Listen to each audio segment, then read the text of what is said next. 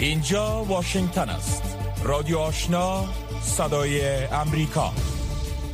شنوندگان گرامی سلام شب شما بخیر. و برنامه خبری این ساعت رادیو آشنا خوش آمدید. نسرین محمود عزیزی هستم و با همکارانم برنامه این ساعت را به توجه می رسانید. اما قبل از همه همکار ما رویا زمانی مشروع اخبار را به توجه می رساند. با تقدیم سلام. اداره هماهنگی کمک های بشری سازمان ملل متحد یا اوچا گفته است که در ماه آگست گذشته بیشترین مانع در برابر کمک رسانی به میان آمده است. این اداره در اعلامیه گفته است که در ماه آگوست گذشته 123 مورد مانع در روند کمک رسانی ایجاد شده که عامل 70 درصد آن طالبان مسلح هستند. در اعلامیه آمده است که 33 مورد موانع ایجاد شده سبب بسته شدن موقت اداره های امدادرسان شده و یک دفتر امدادرسان هم به گونه دائمی بسته شده که در نتیجه نزدیک به دو میلیون تن از دریافت کمک ها محروم شدند. اوچا گفته است که در ماه آگست گذشته دو امدادرسان کشته چهار امدادرسان دیگر زخمی و چهارده تن دیگرشان بازداشت شده است. با آنکه اوچا از عاملان این رویدادها نام نبرده اما گفته است که در مجموع مسئولیت این رویدادها به طالبان برمیگردد. این اداره گفته است که ایجاد موانع بر سر راه کمک رسانی در افغانستان در ماه آگست نسبت به ماه جولای 39 درصد افزایش یافته است. این در حالی است که شمار از افراد نیازمند ادعا دارند که کمک های بشری به گونه شفاف توضیح نمی شود. زبی الله مجاهد سخنگوی حکومت طالبان با تاکید بر تامین شفافیت در روند کمک رسانی می گوید که آنان تلاش می کنند که این کمک ها به گونه شفاف به افراد مستحق برسد. این در حالی است که در بیش از یک سال حاکمیت طالبان بیکاری افزایش یافته و فقر به اوجش رسیده است.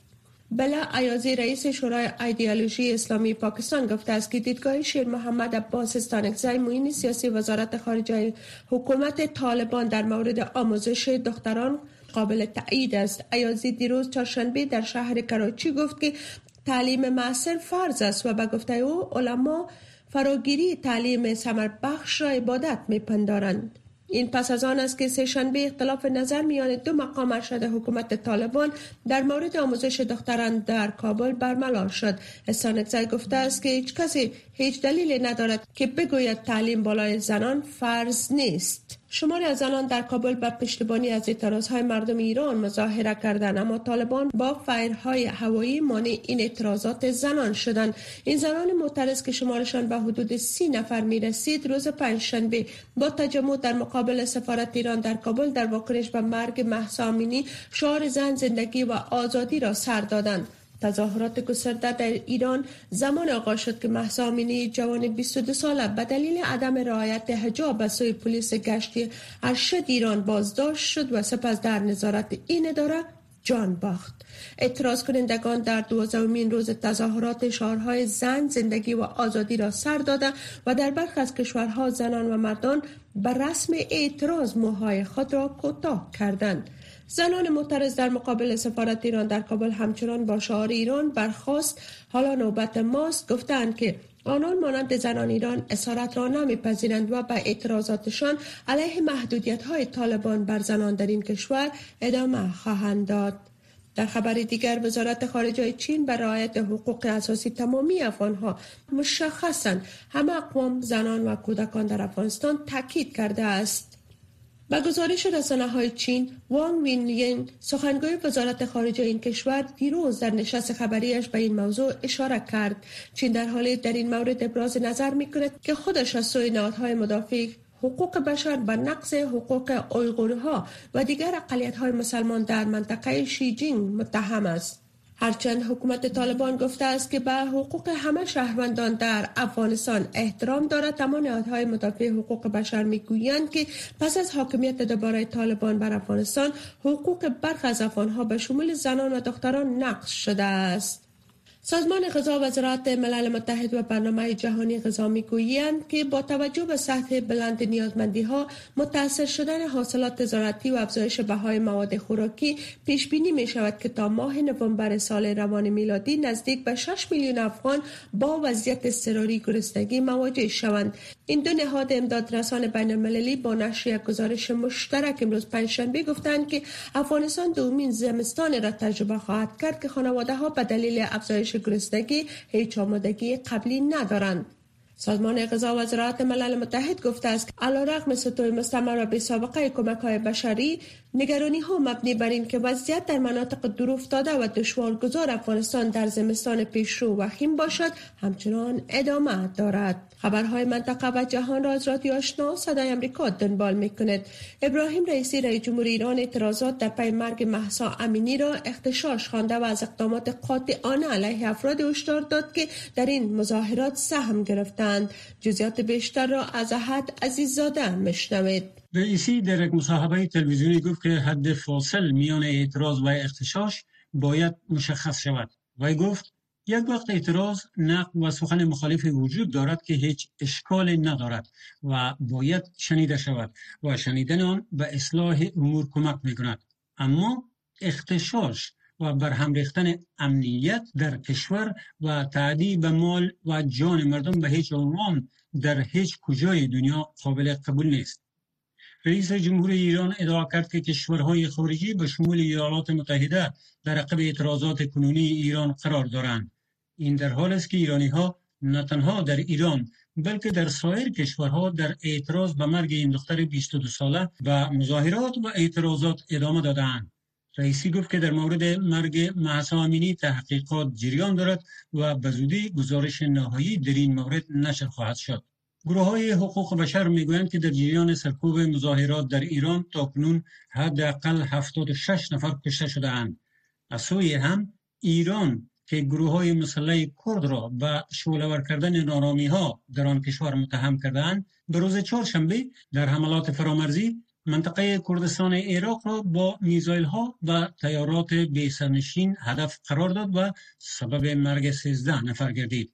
مأموریت ملل متحد در عراق این حملات را تقبیح کرده و حکومت عراق نیز در اعتراض بین حملات سفیر ایران را احضار کرده است. در ادامه خبرها. ایالات متحده امریکا روز گذشته بسته جدید تسلیحاتی به ارزش یک یک میلیارد دلار را به اوکراین اعلام کرد. از جمله بودجه برای اجرای سیستم راکتی پیشرفته تر و سایر سلاح برای مقابله با تیاره های بدون سرنشین. قصر سفید گفته است که این بسته به منظور تقویت نیروهای اوکراینی اعلام شده است. در بیانیه قصر سفید آمده است که هدف این بسته تسلیحاتی برای تامین نیازهای دفاعی در راز مدت جهت تقویت نیروهای مسلح اوکراین است که بودجه خرید تسلیحات و تجهیزات را تامین می کند مجموعه کمک های نظامی امریکا به اوکراین از آغاز تهاجم روسیه بر این کشور به نزدیک به 17 میلیارد دلار رسیده است. بر اساس گزارش های یک محکمه در میانمار هانسان سوچی رهبر برکنار شده و سین تونل که یک اقتصاددان استرالیایی است روز پنجشنبه به دلیل نقض اسرار این کشور به سه سال زندان محکوم کرد. این کشور در حال حاضر تحت تسلط نظامیان میانمار است. ماهیت دقیق اتهامات علیه خانم سوچی و تونل علنی نشده اما تلویزیون دولتی آن کشور سال گذشته گفت که این فرد استرالیایی به اطلاعات مالی مخفی دولتی دسترسی دارد. کم از کم حکم که آنان با آن مواجه شده بودند 14 سال زندان بود. بنی وزیر خارجه استرالیا در بیانیه گفته است که استرالیا حکم این محکمه را رد می کند و خواستار آزادی فوری ترنل است. ترنل به عنوان مشاور دولت سوچی ایفای وظیفه می کرد و درست چند روز پس از کودتای فبروری سال 2021 بازداشت شد. اداره تنظیم کننده ارشد انرژی آلمان روز پنجشنبه هشدار داد که مصرف کنندگان با وجود هوای سرد باید در استفاده گاز صرفه‌جویی کنند این در حالی که آمار نشان داده است که استفاده گاز از حد متوسط با وجود درخواست های مکرر برای مهار کمبود انرژی به ثبت رسیده است حمله روسیه به اوکراین منجر به بحران حاد انرژی در آلمان شده و مسکو به طور فزاینده منابع گاز را به عنوان فشار استفاده می کند. الماز بشنالی وزیر آموزش قرقزستان به اتهام اخذ رشوه در ارتباط با پذیرش محصلین در پنتونهای این کشور آسیای میانه دستگیر شد.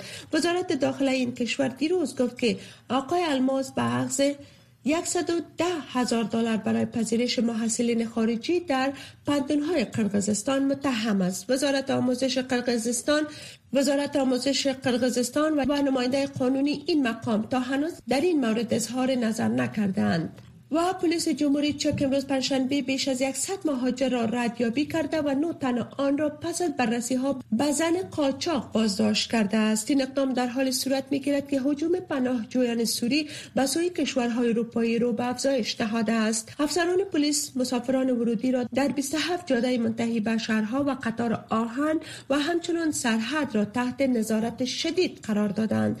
معاون فرمانده پلیس در منطقه زیلین شرقی گفته است که آنان 19 مهاجر را در یک روستای نزدیک سرحد ردیابی کردند. جمهوری چک در جریان سال جاری 12 هزار پناهجوی غیر قانونی را دستگیر کرده که افزایش 12 چند را در مقایسه به سال گذشته نشان می دهد شنونده های محترم این بود مشروع خبرها تا این لحظه.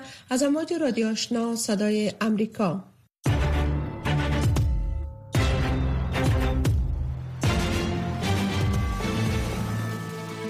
رک و راست. صحبت های داغ صاحب نظران و نظریات شنوندگان در مورد خبرها و مسائل روز هر شام از ساعت 8 تا 9 شب در برنامه مشترک دری و پشتوی رادیو آشنا صدای امریکا.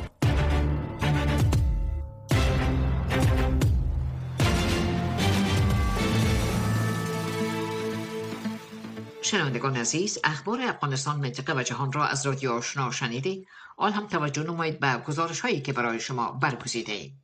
شماری از افراد معتاد به مواد مخدر در غزنی که از ایران به گونه اجباری اخراج شدند می‌گویند که خانواده های آنها در ایران بدون سرنوشت و سرپرست باقی ماندند این افراد خواستار برگشت به ایران هستند و می‌خواهند که با خانواده هایشان بپیوندند. شرح بیشتر از همکار لطیف یعقوبی. ظاهر هشت روز می شود که به گونه اجباری از ایران اخراج شده و اکنون در شهر غزنی در بی سرنوشتی قرار دارد. او که به دلیل استعمال مواد مخدر اخراج شده می‌گوید خانوادش در ایران جا مانده و از وی آگاهی ندارد. مرز کرد این هفتش در روزه که در این جیم ده رد مرز این به غزنی. دیگه از یاد فامیل فکر فامیل میگه خانه تهرانه تلاش کنم خب سریعتر باید برگردم برم. خب هیچ کس دوست نداره خانواده دخل مثلا نیلک نه یا پرتک ندیده. همانند ظاهر معتادان زیاده هستند که بدون هماهنگی با خانواده هایشان از ایران اخراج شدند. این معتادان می‌گویند در کنار آنان ده ها تن دیگر نیز به گونه اجباری به کشور برگشتانده شدند.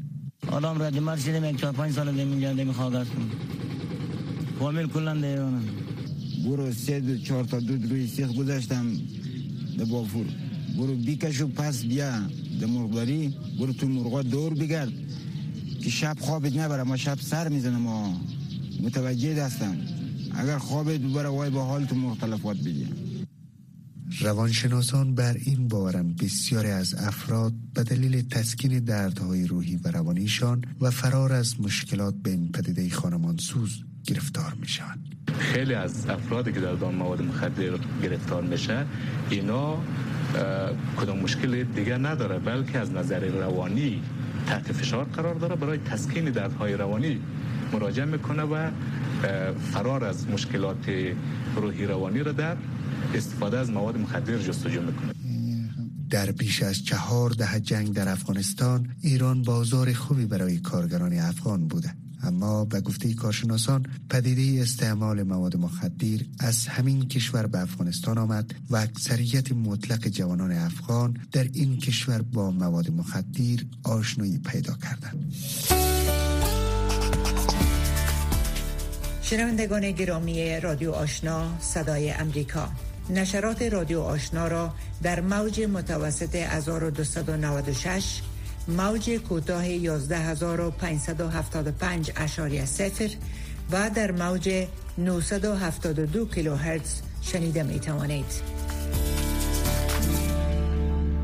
اداره اماهنگی کمک های بشری سازمان ملل متحد یا آچا گفته است که در ماه آگست گذشته بیشترین منابع در برابر کمک رسانی به میان آمده است. این اداره در اعلامیه گفته است در ماه آگست سال گذشته 129 مورد در روند کمک رسانی ایجاد گردیده که عامل 70 درصد آن طالبان مسلح هستند. توجه شما را به مصاحبه در مورد جلب می داریم که همکار ما فوزی احسان با ابوذر سارم سرپوری عضو کمیسیون تخطی و رسانه های افغانستان در وزارت اطلاعات و فرهنگ حکومت طالبان انجام داده است با تازگی نهادهای که به افغانستان کمک های بشری را میرسانند شکایت کردند که در جریان کمک رسانی با موانع برخوردن در اگست سال گذشته و بعد از او شما یک ارزیابیتون بگوین چی است چقدر کمک ها می‌تونه برسه به مردم؟ روند کمک رسانی را شما می‌بینید نظارت می‌کنین چگونه است در افغانستان؟ بدون شک در توزیع کمک ها مشکلات گاهی زیاد گاهی کم می باشه و بوده و هست از این هم من این کمک ها اکثرا که میاد کمک های جامعه جهانی که در افغانستان میاد اکثرا با سرمیاش اماهنگ می باشن با ریاست های مهاجرین ولایات اماهنگ می باشن در قسمت توضیحش تا جایی که ما تحقیق کردیم سرمیاش یا ای که مهاجرین اینا فقط سروی می‌کنن لیست می‌گیرن. باقی از این خود همین مؤسسایی که کمک توضیح می‌کنن لیست بر از اینا میته هر نفر از شماره تلفنش هم میته اونا دانه دانه هر کدام زنگ می‌زنن یک روز 50 تا 60 تا 100 تا در جای مشخص می‌خواین یک دانه کارت برشان میتن می‌رسه و از فلانی جای بیاین موادتان بگیرید. کسایی که واقعا می‌خواید به افغانستان کمک کنه به مردمش کمک کنه از این طریق به می منوال کمک میشه و این کمک به دست مستقیم می‌رسه درست است از هر منطقه وکیلای گذر می‌گیره صد نفر لیست میته ممکنه ده نفر از خانه و از قومایش باشه 20 نفرش از قومایش باشه. من داد صد نفر هم منطقه می‌رسه.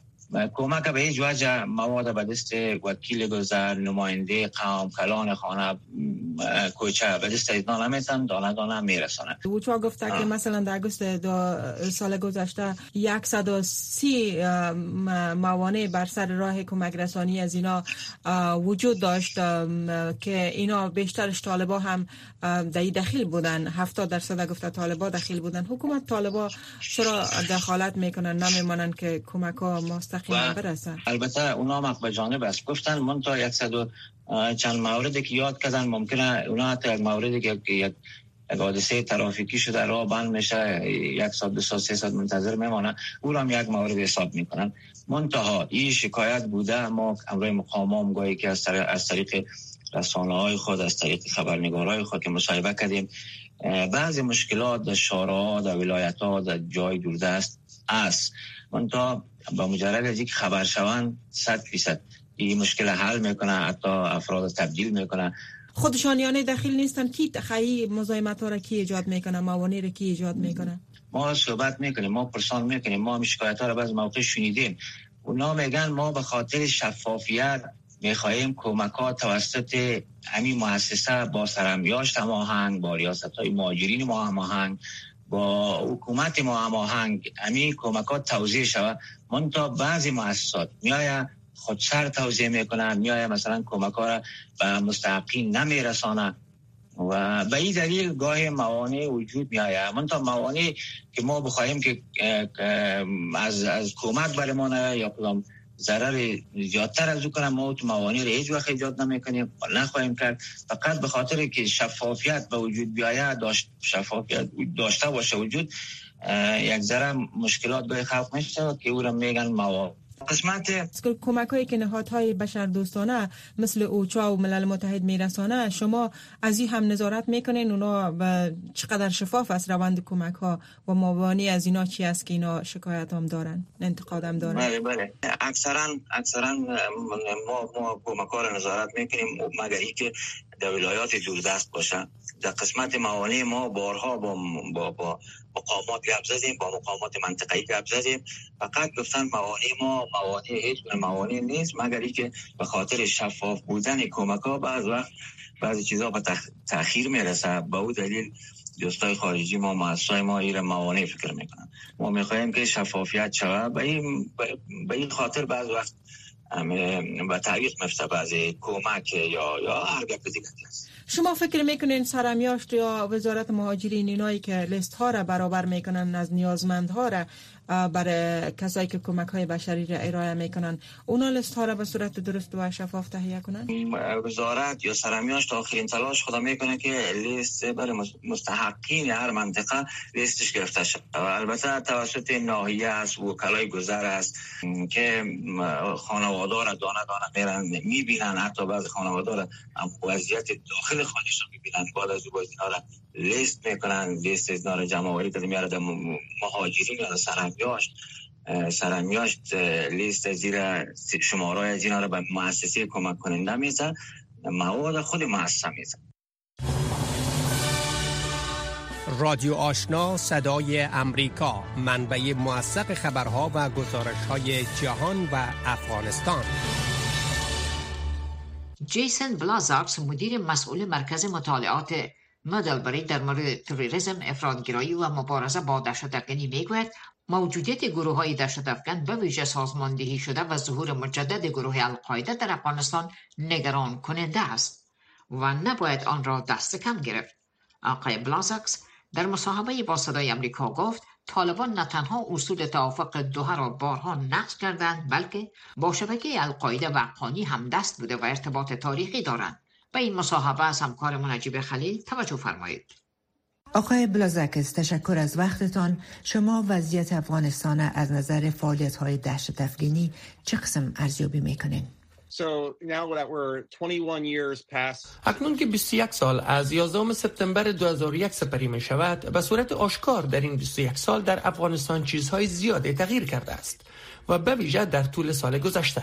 البته پس از تصمیم ایالات متحده برای خروج از افغانستان وضعیت بسیار جدید در ارتباط با ظهور تعدادی از گروه های دشت افغانی ایجاد شده است که من شخصا نگران آنها هستم. بسیاری از افراد اکنون احتمال تهدید از جانب القاعده را رد کردند که به نظر من این یک اشتباه است.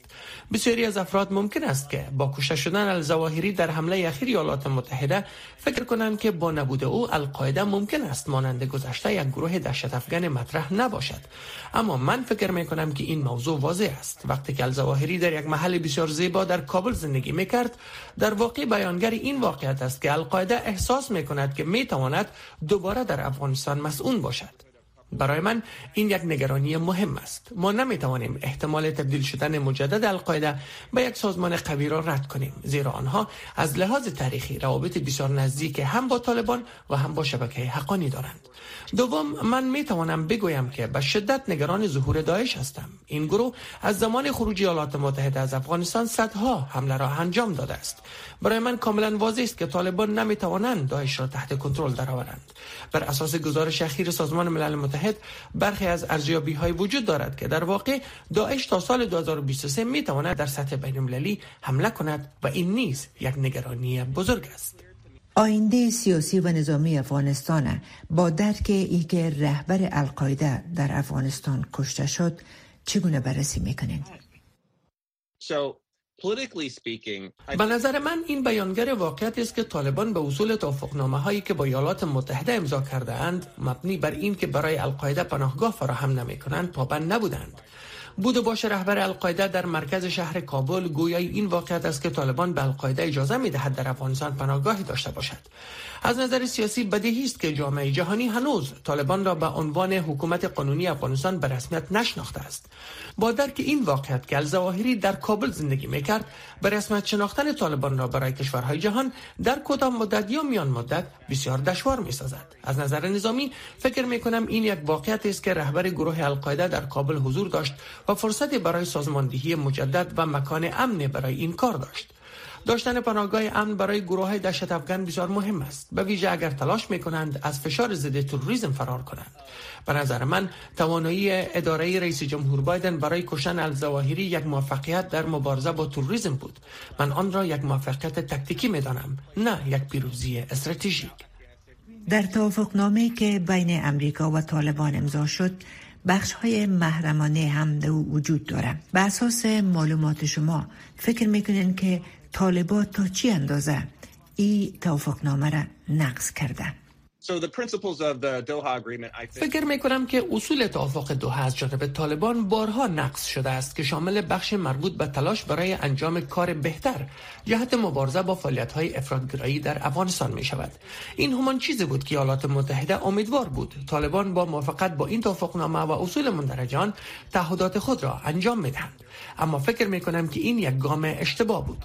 یک مسئله را باید واضح سازم که این تصمیم بود که اداره رئیس جمهور ترامپ در واقع توانست به آن دست یابد و من فکر می کنم آنها به وعده های طالبان اعتماد زیادی داشتند.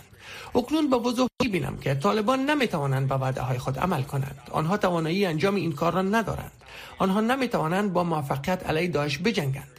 در مورد دیگر من فکر می کنم که این غفلت عمدی از سوی آنهاست و فکر می کنم این بخش مربوط به تعهدات در توافق دوحه است که گفتند به القاعده اجازه نمی دهند پناهگاهی در افغانستان داشته باشد. اما حالا این خیلی واضح است که القاعده دوباره عرض وجود کرده و در صدد تقویت است. طالبا از پاکستان خواستند که به تیاره های بدون پیلوت امریکایی اجازه ورود به حریم هوایی افغانستان با استفاده از خاکشان نتن. اما پاکستان این موضوع را رد می‌کنه آیا کدام معامله بین ایالات متحده و پاکستان وجود داره که به تیاره های امریکایی اجازه را میتن؟ خب هر کسی که روزنامه ها را می‌خواند احتمالا می‌داند که این تیاره های بی پیلوت باید از جای بیایند و توانایی تیاره ها برای پرواز فاصله های معین و از نظر رسیدن به هدف اغلب به منطقه‌ای که تیاره ها در آن مسخر هستند محدود می شود این واقعیت کاملا واضح است که ایالات متحده و پاکستان پس از حملات 11 سپتامبر سال 2001 بر امریکا برای مقابله با سازمان های دهشت افغان مانند القاعده با یکدیگر همکاری کردند. به عنوان مثال حکومت پاکستان در سرنگونی برخی از گروه های بزرگ نقش مهم داشت. افراد مهم القاعده را نیز از بین بردند. بنابراین من فکر می کنم که طالبان با سابقه طولانی همکاری ایالات متحده و پاکستان علیه القاعده کاملا آشنااند و به همین دلیل است که آنها این درخواست را به حکومت پاکستان مطرح کردند و من اصلا تعجب نمی کنم که حکومت پاکستان این موضوع را رد کند. زیرا اگر حکومت پاکستان بگوید که واقعا این اتفاق می افتد من فکر می کنم که در داخل کشور نیز برای پاکستان مشکل ایجاد می کند بنابراین من فکر می کنم از نظر دیپلماتیک این یک کار بسیار مغلق از سوی پاکستان است که این رابطه را انکار کند. زیرا این یک رابطه انکار ناپذیر بوده است.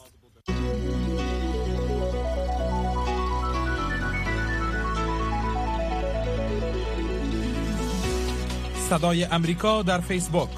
facebook.com voa دری. و این هم آخرین گزارش این بخش. طوفان بحری ایان که یکی از قدرتمندترین طوفان ها در ایالات متحده ثبت شده است با شدت چهار منطقه جنوب غربی ایالت فلوریدا را با بادهای تند مورد آماج قرار داده و برق منازل بیش از دو میلیون نفر را قطع کرده است. جزیات بیشتر را از همکار ما قدیر مشرف میشنوید.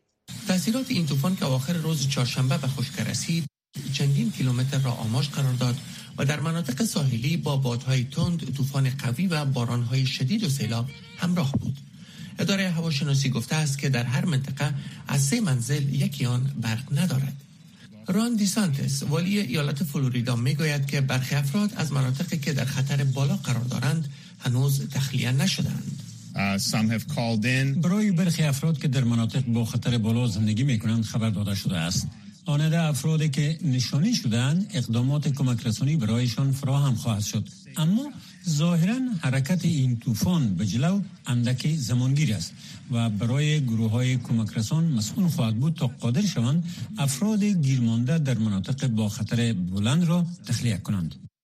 قبل از اینکه طوفان به خشکه برسد به حدود 2.5 میلیون نفر دستور تخلیه منازلشان در جنوب غرب فلوریدا صادر شده بود. اما طبق قانون نمی‌توان هیچ کسی را مجبور به ترک منازل و فرار از منطقه کرد.